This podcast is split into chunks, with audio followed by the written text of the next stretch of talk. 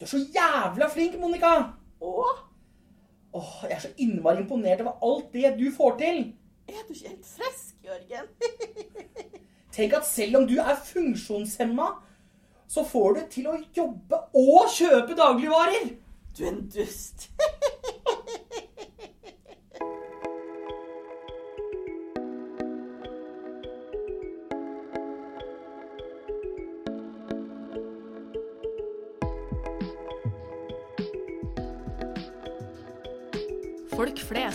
en podkast fra Norges Handikapforbund. I samfunnet vårt blir man ofte satt, i ytterkant som enten helt eller offer. I dagens episode skal vi se nærmere på hvordan dette skjer, og hva som gjør at vi blir karakterisert som et av ytterpunktene. Hei fra Halden fengsel. Her sitter jeg i kula og har med min gode venn Sahbi. Takk for de spørsmålene sist. Da har vi fått noen nye spørsmål fra dere. Hmm. Temaet er eh, offer eller helt. Ja. Og det første spørsmålet er da Opplever du at forventningene til deg er lavere etter at du har sittet inne? Du blir på en måte stempla. Altså, du har dritet deg ut. Men det folk ikke forstår, er at vi er på rehabilitering. Vi Mm. blir bedre her. Så forventningene egentlig burde gå opp etter at vi har vært her. Mm. Ja, nei, det jeg tenker da, er som jeg har vært en del inn og ut fra varetekt, og forventning, for, eller ja, forventningene har ikke blitt lavere, men de har blitt Svekket. svekket, ja, og så har de forventet mye mer av meg, da, at jeg ikke skal inn tilbake, Ja. noe som jeg ikke har greid å Mm, opprettholde, Mm. ikke sant? Så du har klart å såre dem. Riktig. Dine nærmeste. Ja, så det er, det er eh, kjipt, Mm. men sånn skjer. Ja. Ja, men da går vi videre til You neste do, spørsmål. you gotta do what you gotta do, you know. Yes, bra Da går vi over til spørsmål nummer to. Har du noen gang fått skryt for banale ting som folk flest gjør med letthet? Fortell. Ja, jeg vil uh, fått skryt av å vaske etter meg, da, i felles uh, kjøkken, eller vaske etter andre etter middagen og sånt. Mm. Noen ganger så bytter vi på, da liksom en gang er det min tur, og så en annen dag er det han andre sin tur, så Det er greit å få litt skryt innimellom. Ja, ja, spesielt her inne, Man du. får det- lyst til å gjøre det. Riktig, man får lyst til å gjenta det, og så det er jo en bra ting, da. Mm. At de små tinga blir Ja. dratt opp. Man blir eh, satt pris på. Mm. Det er viktig. Så det, det er bra. Mm. Der forstår jeg deg. Mm. Da har vi neste spørsmål. Tenker du at fun funksjonshemmede kan bidra i samfunn på lik linje med andre? Ja, det spørs egenskapene de har, da. Om eh, De kan jo jobbe eh, fra rullestol, liksom. Det er ikke at det er umulig, men om de er, Mm. spørs om de er fungerende, da. De Ja, kan- de, de burde i hvert fall bidra med det de kan. Sånn å føle, for å føle seg Inkludert. inkludert og lik som alle andre. Ja, At de også bidrar med noe, liksom. Mm. Så at de ikke føler seg utenfor. Mm. Så det er, jeg vil ikke si at det er det umulig. jeg liksom. skal eh, Det er det jeg mener, da. Så Mm. mm. Ja, Jeg er enig med deg der, altså. Så Ja, men eh, det var Det var alle spørsmål. Ja. Takk for at uh, vi fikk svare på de. ja. Og så er det bare å komme med flere spørsmål, vet du, om dere har det. Ja. Yes. Peace out. Dagens gjest har sprengt grenser. For mange er hun kjent som dokumentarfilmskaperen bak den prisbelønte TV 2-serien Søsken. Serien som viser livet til familier der ett av barna har en funksjonsnedsettelse. Gjennom dokumentaren har hun bidratt til å vise at barn er barn.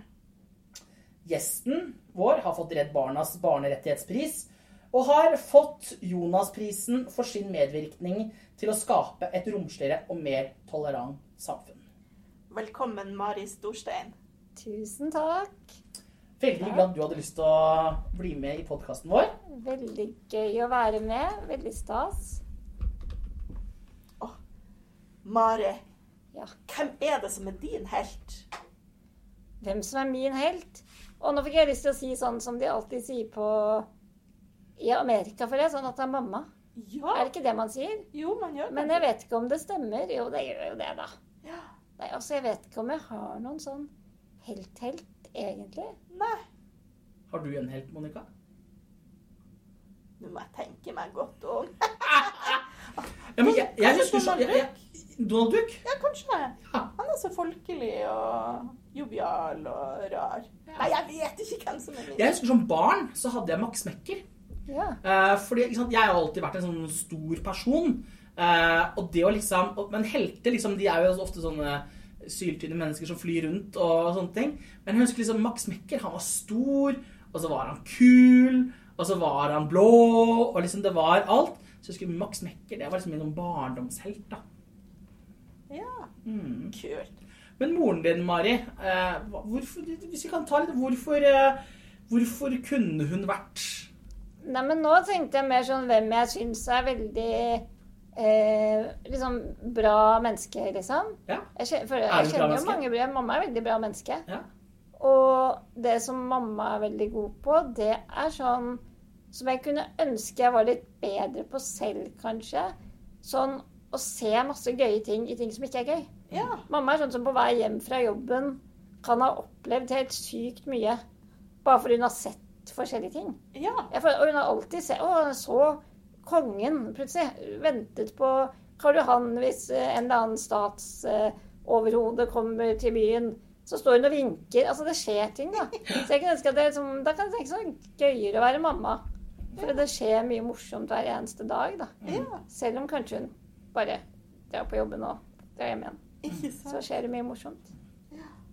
Men Mari Storstein, altså, Ja. mange vet jo hvem du er, og så er det ikke alle som kanskje helt setter, eh, setter uh, spikeren på, holdt jeg på å si. Men som vi sa i introen, du er en filmregissør Eller hva kaller du deg? Hva- hva er jeg, er, jeg er utdannet dokumentarfilmregissør. Det hørtes veldig vakkert Det vet du, det høres veldig Det høres jo bra ut, det, da. Ja.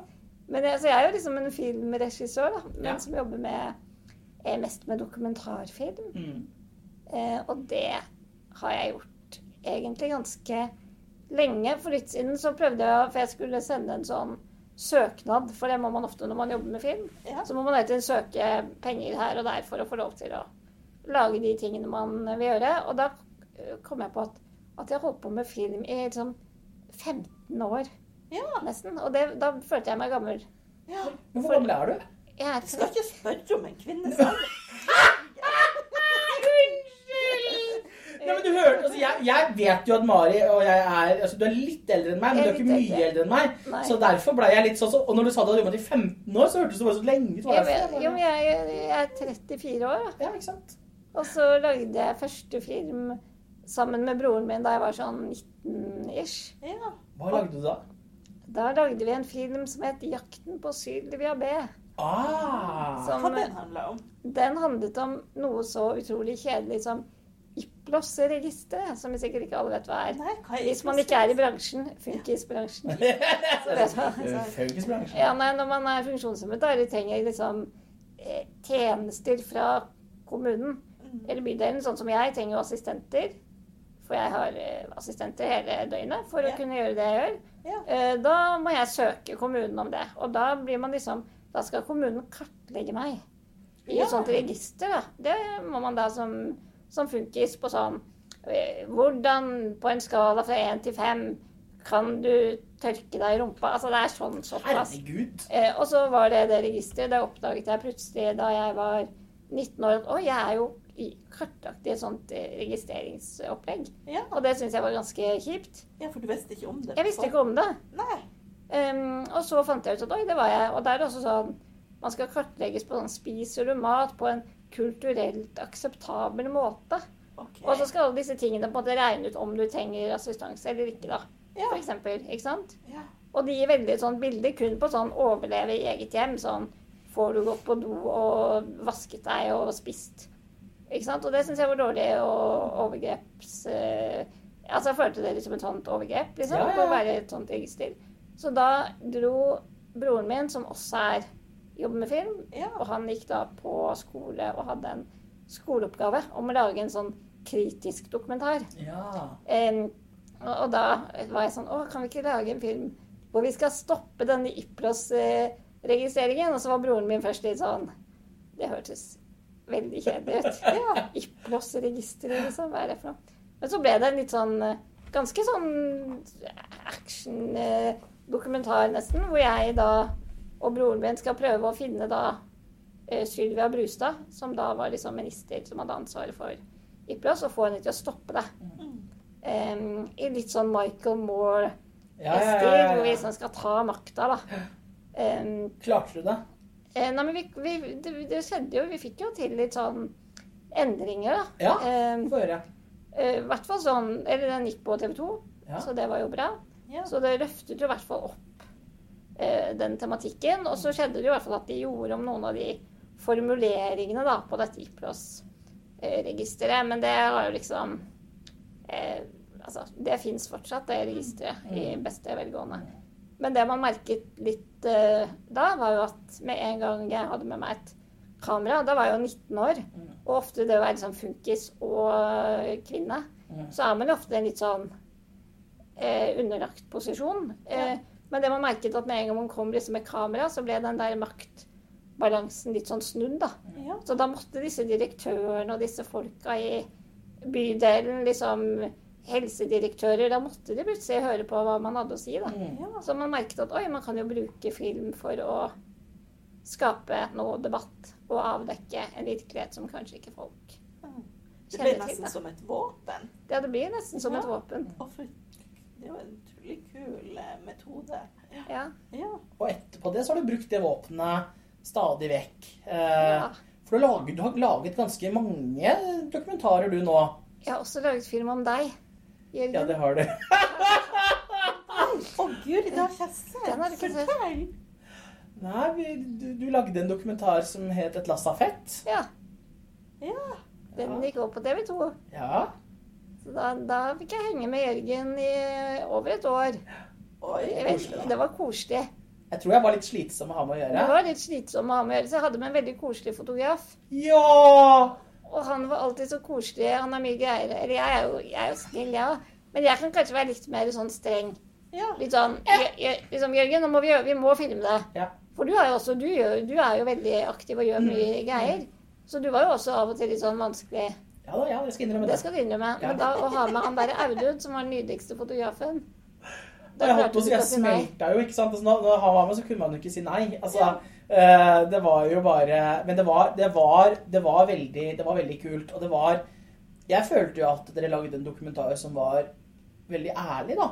eh, og ekte. Eh, og det var veldig spennende å jobbe Jobbe med, med dere. Det må jeg virkelig si. Ja. Kan man finne den noen plass, den dokumentaren?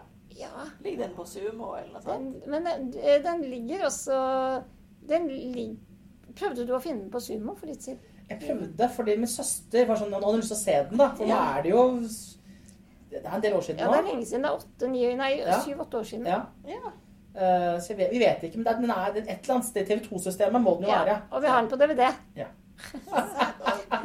Men, det var faktisk, helt, men den er litt annerledes enn mange av de andre tingene jeg har laget, faktisk. Ja, Eh, hvordan da?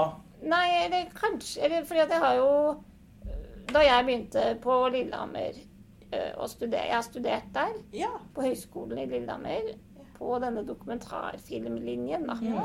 Eh, og da, da jeg begynte der, så hadde jeg laget litt film før. Eh, og så tenkte jeg, og da hadde jeg laget to filmer før jeg begynte der, som handlet veldig om eh, ja, liksom diskriminering av funksjonshemmede. Både denne Ipros, 'Jakten på Sylvia', og en film som het 'Brevet til Jens'. Ja. Som handlet om det å bli, hvis man ikke får nok assistanse, å bli plassert på institusjon og bli fratatt frihet. Ja. Eh, og så tenkte jeg sånn, da jeg begynte på Lillehammer, tenkte jeg sånn åh, jeg skal ikke bare lage sånn funkisfilm. Eller for det, da skal jeg lage noe annet også, liksom. Det er mye annet å lage om. Men så ble det veldig fort at eh, eh, nesten bare alle årene på Lillehammer så lagde jeg jo nesten bare filmer om eh, ja, tematikk som går på det med å ikke bli hørt og ikke bli sett på en eller annen måte. Mm. Fordi man er annerledes. Ja. Eh, og det var også litt fordi at jeg opplevde at, og opplever fortsatt at det er veldig få som forteller de historiene. Ja, hvorfor er det det? Hvorfor? For det første så er det jo ganske, i hvert fall sånn nå, eh, få, få som jobber med, med film og TV. eh, som på en måte tror jeg er liksom et resultat av at i dag så er funksjonshemmede kjempediskriminert. Det vet jo dere, og det har dere sikkert også kanskje snakket om. Snakker mye om her, sikkert. Men liksom dette med at man I dag så er det kjempefå funksjonshemmede som fullfører videregående. Eh, man blir over 100 000 står ufrivillig utenfor arbeidslivet. Mm. Og det er jo ikke fordi man ikke vil jobbe, eller fordi man ikke har lyst til å jobbe med film. Det er fordi man ikke får mulighet til det. da. Men, men må det en funksjonshemmet regissør til for å stille disse spørsmålene? Altså, det, er- jeg tenker liksom sånn, Kunne du lagd en dokumentar om klimasaken? Altså, eh, er, eller føler du at ditt samfunnsansvar nå er liksom å være filmens vaktbikkje? Eh, Funkisfeltet. ja. Det er veldig sånn, fordi det, Og det er interessant, og det har jo liksom blitt litt løftet i det siste. Dette med liksom, å, representasjon. Mm. Hvorfor er det så få eh, funkiser på film og TV, da, f.eks.? Ja. Eh, og ofte når man først ser en funksjonshemmet på eh, film, i hvert fall sånn i eh, dramafilm, da, fiksjonen, Mm. så er det jo veldig ofte en ikke-funksjonshemmet som spiller denne eh, spiller funksjonshemmet. Ja. Ikke sant? Det er veldig sjeldent at man ser f.eks. filmer som Et helt halvt år, altså disse store liksom, amerikanske amerikanske filmene som tar for seg litt sånn Apropos det med helt og offer. Mm. Kanskje ofte litt sånn så rørende historien, eller liksom sånn bitter funksjonshemmet som skal lære noe om livet, ikke sant. Og så får Mm. man en utvikling, og så blir man liksom et bedre menneske og innfinner seg med situasjonen eller et eller annet sånn tull og tøys, syns jeg ofte det er. Men da ser man jo ofte at de som har laget de filmene, har jo ikke en funksjonsnedsettelse selv. Og da ser man jo ofte at det filmen forteller, ofte i hvert fall kanskje kan være noe som gjør at jeg At det knyter seg litt i magen på meg, da. For jeg merker at oi, det blikket her har noen liksom Kanskje noen fordommer og noen holdninger om, om funksjonshemmede som gjør at fremstillingen av de menneskene blir feil. da. Mm. Um, men jeg skulle gjerne Jeg har kjempelyst til å eh, kunne lage noe helt annet en gang òg. Jeg kunne elsket å lage liksom katastrofefilm og romantisk komedie og action og sånn. Jeg elsker jo alt mulig rart. Men så føler man jo på en måte kanskje et ansvar fordi Det er ikke noen andre som har den stemmen. Ja, og så vet man at det finnes så utrolig mange historier som ikke blir fortalt. da.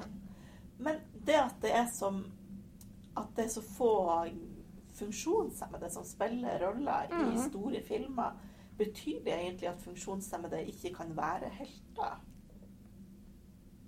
At det ikke kan være helter. Ja.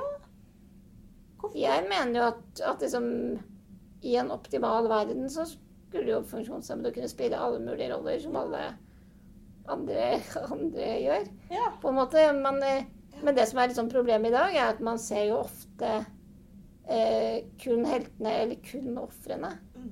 Eh, liksom, når- når man også ser på TV, sant, så er det jo ofte eh, kanskje disse inspirasjonshistoriene, da. Sånn som TV-serien 'Ingen grenser', som gikk for et par år siden. Eller begynner å bli en del år siden nå, men som gikk på NRK, var det vel. Om liksom eh, funksjonshemmede som mot alle odds skal karre seg opp på toppen av Snøhetta, ikke sant. Og så blir folk inspirert, og så ser de på det, og så tenker de sånn Uff, ja, nå, jeg, nå må jeg være fornøyd med mitt eget liv, ikke sant. Når hun uten en arm kommer seg opp, ikke sant. Og så også veldig det der at som jeg ble provosert over liksom, av den serien, er jo litt det at det fremstilles som at Og det er bare i hodene våre, på en måte. Så lenge vi vil nok, så kommer vi oss opp på toppen av fjellet. Og sånn vet jo jeg, og sånn vet jo dere, at sånn er det jo ikke. Fordi at man kan ville så mye man bare vil, og drømme og ønske. Og, men hvis man har et system som på en måte trykker folk ned, da, så hjelper det ikke å ha en Lars Monsen som roper at du får det til. Hvis systemet er den store trappa, så nøtter Mm. det ikke å sette nederst i en elektrisk rullestol og ønske å komme opp den trappa, så kommer man opp. Nei. Nei. Ja. Mm, det er helt sant, det. Mm. det. Men for mange funkiser, Mari, så tror jeg du er en helt. Hva tenker du da? Uh, Er du enig? nei, Ja, det er vanskelig å si, da. nei, Jeg er så enig. Nei. Ja, men det tror jeg. Jeg tror for mange Jeg kan jo si at jeg, som funkis, da, så er jo jeg enig i den uttalelsen. Ikke sant? For- Ja. Og da tenker jeg litt sånn hvordan, Fordi jeg tenker litt Når vi da snakker om Ok, kan man være både helt og ikke helt samtidig, ikke sant? Fordi eh, innimellom så tenker jeg jo at du kanskje ikke føler deg som den helten, men samtidig så er du den helten. Altså, hva gjør det med deg, på en måte? og, og det handler jo sikkert også mye om sånn med liksom fremstilling og, og, hvordan liksom selvfølgelig eh, Nå hadde jo dere en veldig fin introduksjon av meg, da. Som er liksom med priser, og det er veldig, veldig eh, stas. Men jeg savner jo litt det derre Åh, det der å kunne fremstille oss og meg selv også bare som hele mennesker. Ja.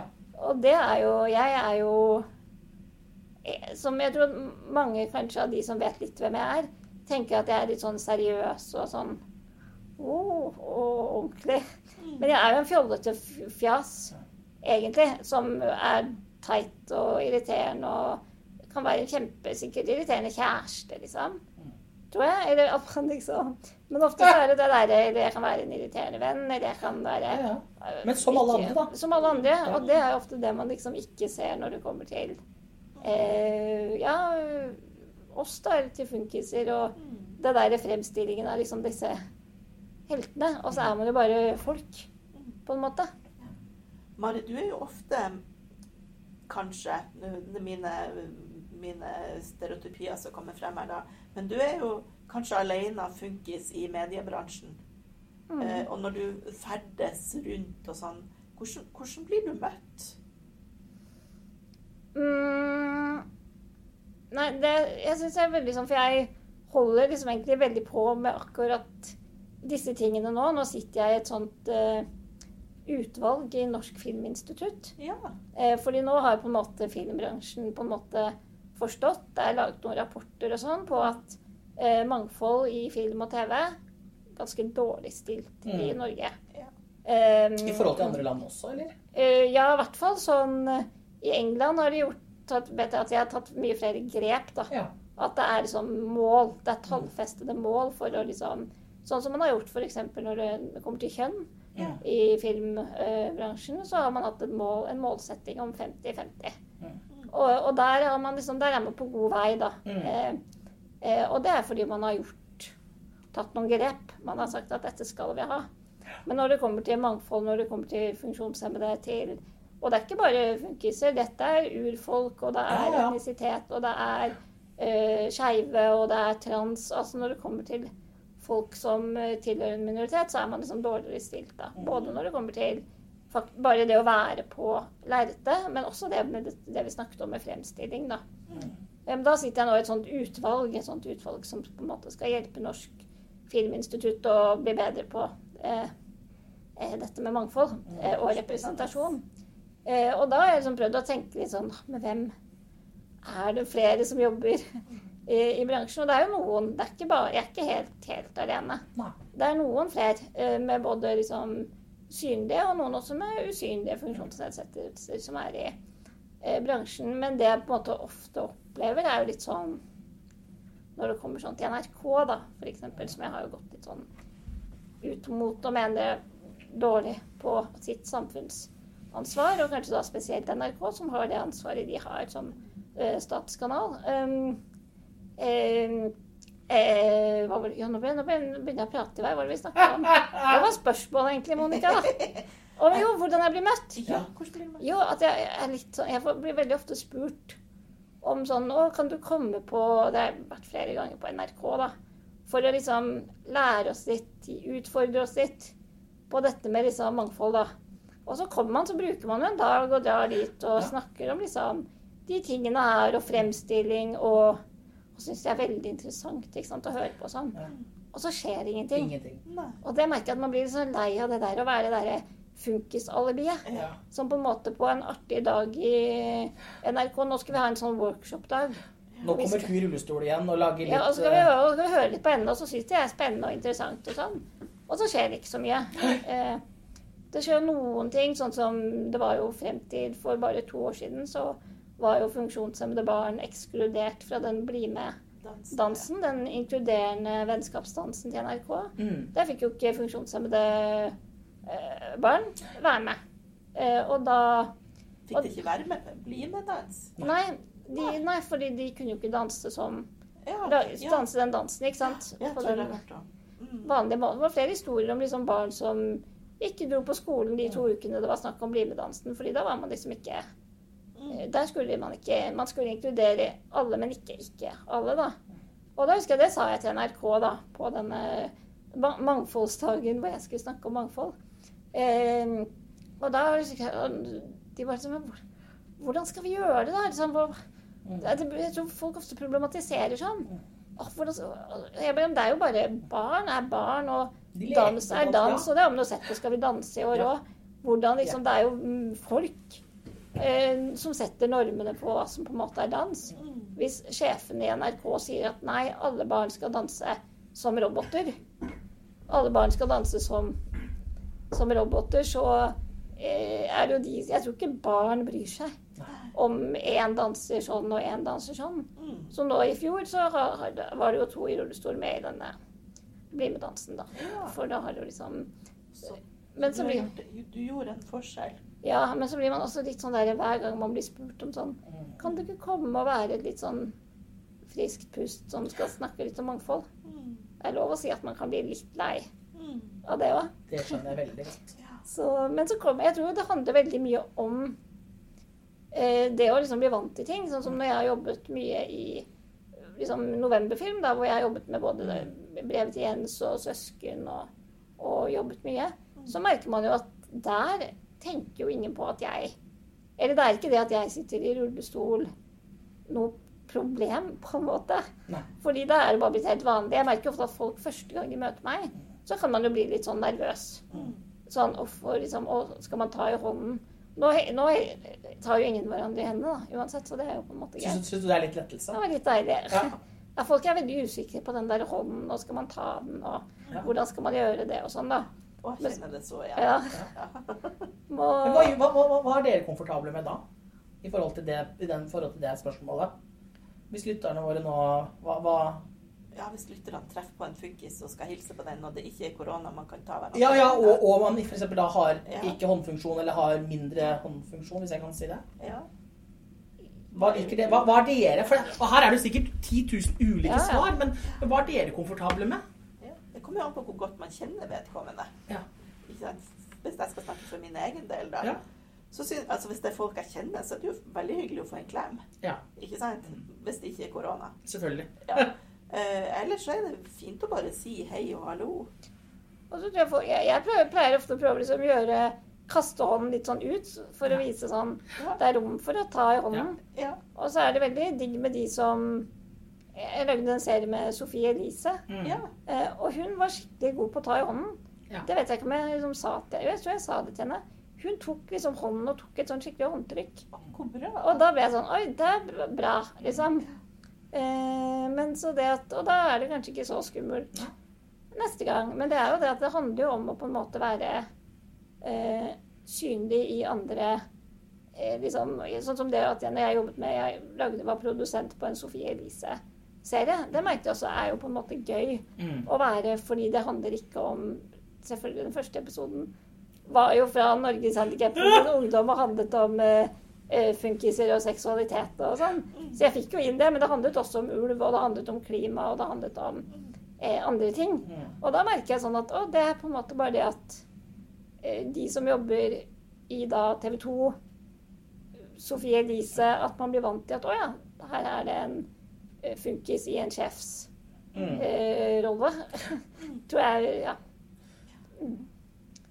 Mari, vet du, jeg kjenner noen ganger når jeg går på butikken, så ser jeg at folk eh, ser så imponert ut når jeg går og skal hente melk i skapet via noen assistenter. Og, og eh, via jobben så treffer jeg også noen sånne sentrale politikere eh, som blir bare Å, Monica, du er altså så flink, og det nærmest som de klapper meg på hodet eller stryker meg på kinnet.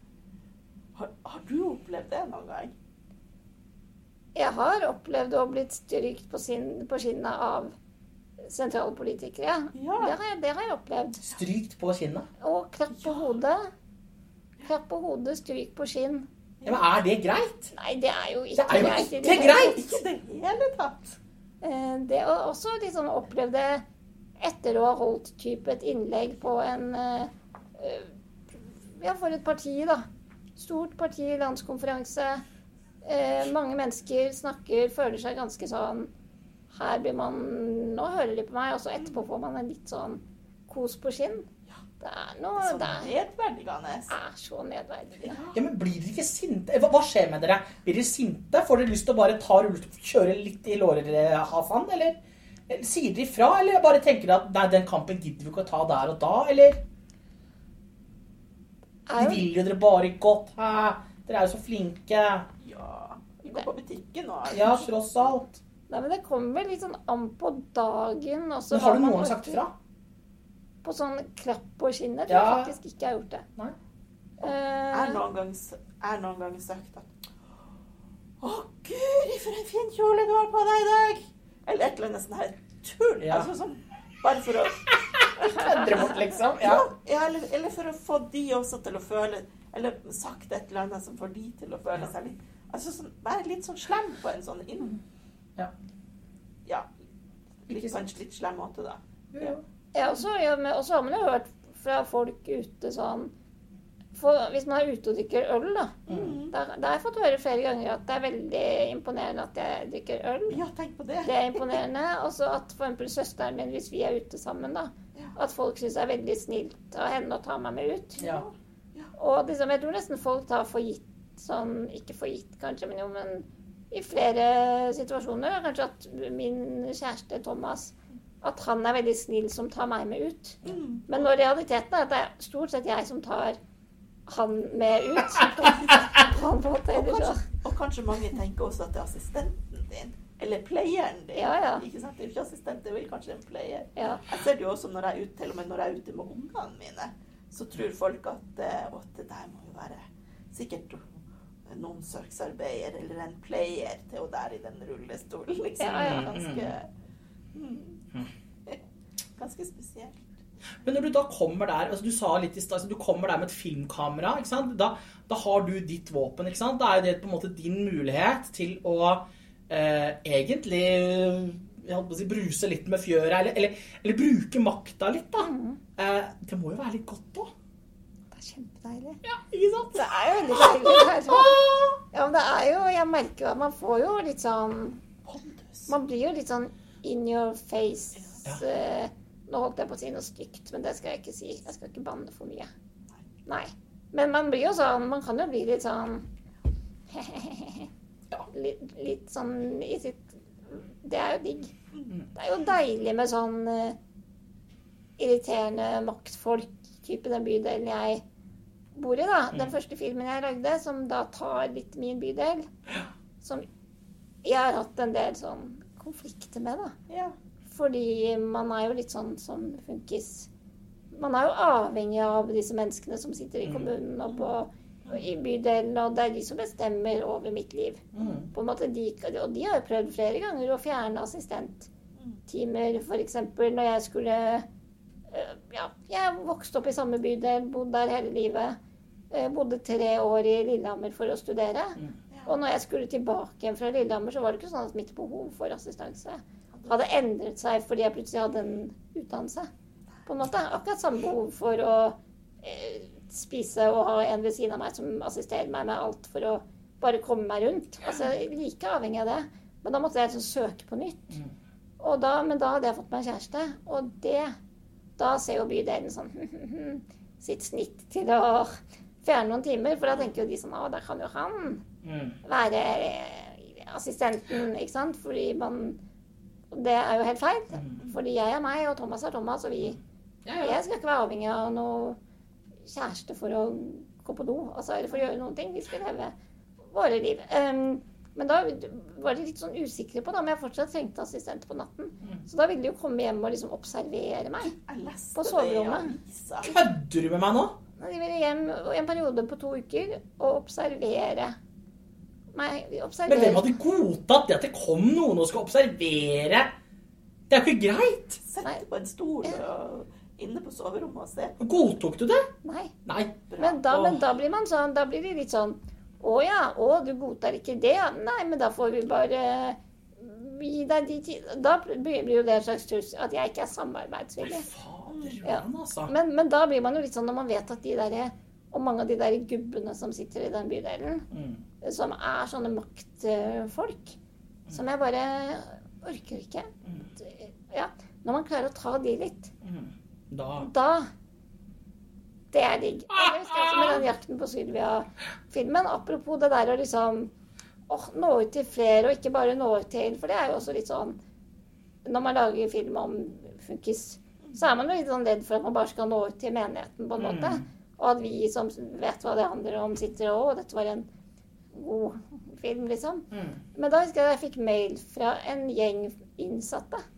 Fra Ila, tror jeg. Eller var- ja, fra et fengsel. Jeg husker ikke helt hvilket fengsel det var, men det var en gjeng innsatte som uh, sendte meg mail og sa at de kjente seg igjen i meg. Ja. Og da husker jeg da, Det er en av de tilbakemeldingene jeg husker best av de jeg har fått, tror jeg, etter en eh, Fordi det handler om identifisering og det å nå ut og fortelle at min historie, selv om jeg er en 19 år gammel jente, eh, så kan du, voksen mann, relatere deg til det å ja, bli nedtrykt eller undertrykt av et system, da, f.eks. Det er jo litt kult at du sier, Mari, for vi har jo samarbeid i denne podkasten her. Ja, Så har jo vi samarbeid med Røverradioen. ja. Nettopp fordi at vi, vi ser at det er en del sånne paralleller. da. Mm, Så det er jo kjempekult at du Mm. sier. ja. Men er det noen gang, når du liksom har liksom jobbet med dette og brukt våpenet ditt, da, altså filmen eh, Eller, eller hva, hva vil du liksom Er det noe du vil trekke frem som kanskje den viktigste seieren? Altså Hvor du virkelig har kjent litt på den derre mm, Kanskje ikke heltefeelingen, men allikevel Du har brukt liksom dine våpen, du har brukt dine øh, Holdt på å si øh. Din, ja, din kunnskap og mirakuløse måte å være på. Du liksom, hva, kan du trekke frem noe som du tenker Der traff jeg den sinnssykt. Det var veldig, veldig stas når vi vant Gullruten med søsken. Ja! Det, da husker jeg at jeg fikk en sånn Og ikke sånn at man liksom blir rørt av For da, kan du sikkert Da var vi jo Det var i Bergen, og så er det jo liksom Gullruten er jo den store prisutdelingen for TV-bransjen, liksom. Og det er jo kjempe Og så sier man Det er jo glam og glitter, da. Ja, så er det, ja, det er rød løper, og det er liksom gøy, da. Og så er det jo liksom Så var vi nominert til beste dokumentarserie.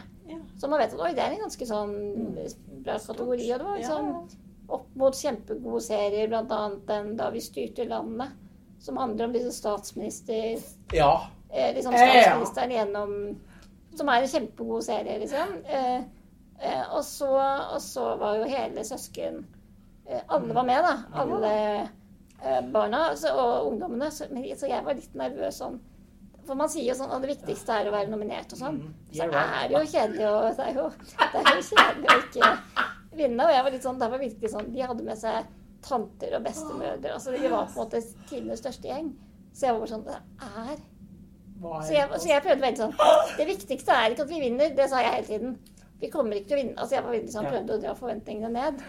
Og, så, men så var, og da når man liksom var sånn Og vinneren er søsken, og så gikk alle opp, og så var det noe sånn Og litt både den der at alle var med, som, og vi brukte ganske lang tid på å komme opp på scenen. Liksom. ja, ja, ja. For alle satt litt sånn spredt, og det tok ganske lang tid. Og vi sto der en sånn gjeng på sånn 30 stykker. Og så var det også, da fikk jeg også litt sånn Og da var det litt gøy også på en måte bare det der rent det derre Åh, at man vinner over makta med statsminister. Ja, ja, ja! Ja, selvfølgelig! Det var jo en bigreie av det! Ja, jeg, jeg, var ikke det at å, vi vant over det, men det var bare noe sånn litt sånn symbolsk på en måte. Sånn Det, det husker jeg var sånn, det var noe skikkelig den opplevelsen der. Da følte man litt sånn Her har man klart å fortelle et eller annet da, Mm. som er noe større enn seg selv. Det er ikke bare å nå ut til oss. Da har man liksom nådd ut til flere, da. Ja, for det var jo en, en jeg skal, altså, mer sånn mainstream altså, Det var jo en serie som alle så. Ja. Altså, Du behøvde ikke å være i, i røsla eller ha noe spesiell altså, eh, det, det tror jeg var jo liksom noe som traff alle, uansett eh, hvor de var i livet. Ja. Ja, det var veldig bra. Så det var gøy. Utrolig bra serie. Jeg har sittet og sett på den også, Mari. Mari, det har vært utrolig spennende og interessant å snakke med deg, og vi skulle gjerne ha sittet der hele dagen. Det var veldig hyggelig å komme og snakke òg. Du, vi har et, eh, et siste spørsmål som Ja. vi spør alle gjestene våre om. Og det er hva er ditt største handikap? Oi, det var vanskelig spørsmål. Ja, Hva pleier folk å svare på det, da? Alt mulig alt mulig. Mitt største handikap? Ja. Åh, Monica Jørgen, hjelp meg! Hjelp meg! Ma- nå sitter Mari og griner på nesen. Ja, nå griner jeg på nesen. Ja, ikke lyst til å svare Nei, men, jeg, men jeg syns det er vanskelig å svare på. Ja. Hva er er deres største Nei, nei, men jeg har mange store handikap. Sikkert, jeg vet ikke hva, det hand, handikap er. Det noe, det er, noe, er det liksom noe dumt, eller hva er det vi Trenger Nei, dumt. nei. Nei. Jeg har jo liksom mange greier, jeg, da. Ja, Ja, fortell om så- en av dem. Nei, men sånn en av mine litt sånn Nå følte jeg at det ble veldig sånn seriøst, da. Ja. Men apropos det å alltid bli fremstilt som sånn Mm. helt og sånn. At jeg sliter ganske mye med angst, ja. faktisk. At jeg har ganske sånn Det at jeg sitter i rullestol er ofte ikke min sånn hovedting. Nei. Men jeg har en del sånne ting som jeg syns er veldig skummelt. Ja. Livredd for eh, Jeg, har masse, jeg er hypokonder. Ja. Har veldig helseangst. Livredd for alt av liksom skumle ting. Og veldig redd for at noen jeg er glad i, skal bli syke Ja. eller skadet. Så jeg har ganske mye angst. ja. Det tror jeg er ganske normalt, Mari. Ja. Ja. Ja. Ja. Men så fint at du deler med oss. ja. Men du, hvor går veien videre? Og veien videre nå eh, er jo liksom av korona, da, så Mm. er jo kjedelig Mm. en kjedelig tid. Så mange av de prosjektene vi skulle gjøre, de ble satt litt sånn på vent. Litt sånn på is. Eh, Så nå jobber vi med å utvikle en ny Det jeg håper skal bli Dette er litt sånn eh, avsløring, da. Er Nei, vi- jobber, jobber med Eh, Jeg prøver å lage første fiksjonsfilm, ikke dokumentar. Oi. Oi, hvor spennende. Ja. Så det For jeg mener jo at man har ikke sett ekte funkiser som er hele mennesker på film før. Nei. Så det er det jeg jobber med nå. Å, Det er gøy. Guri, da ønsker vi deg superlykke til med det prosjektet, og det gleder vi oss til å se. Ja, det gjør jeg òg. Tusen takk for at du kom, Mari. Takk for meg. Takk for i dag. Denne podkasten ble produsert av Røverradioen for Handikapforbundet. I redaksjonen var Elisabeth Hoier, Gabriel Hoff, Monica Haugen, Jørgen Foss, og takk til vår faste lydmann Trond Martin Haug.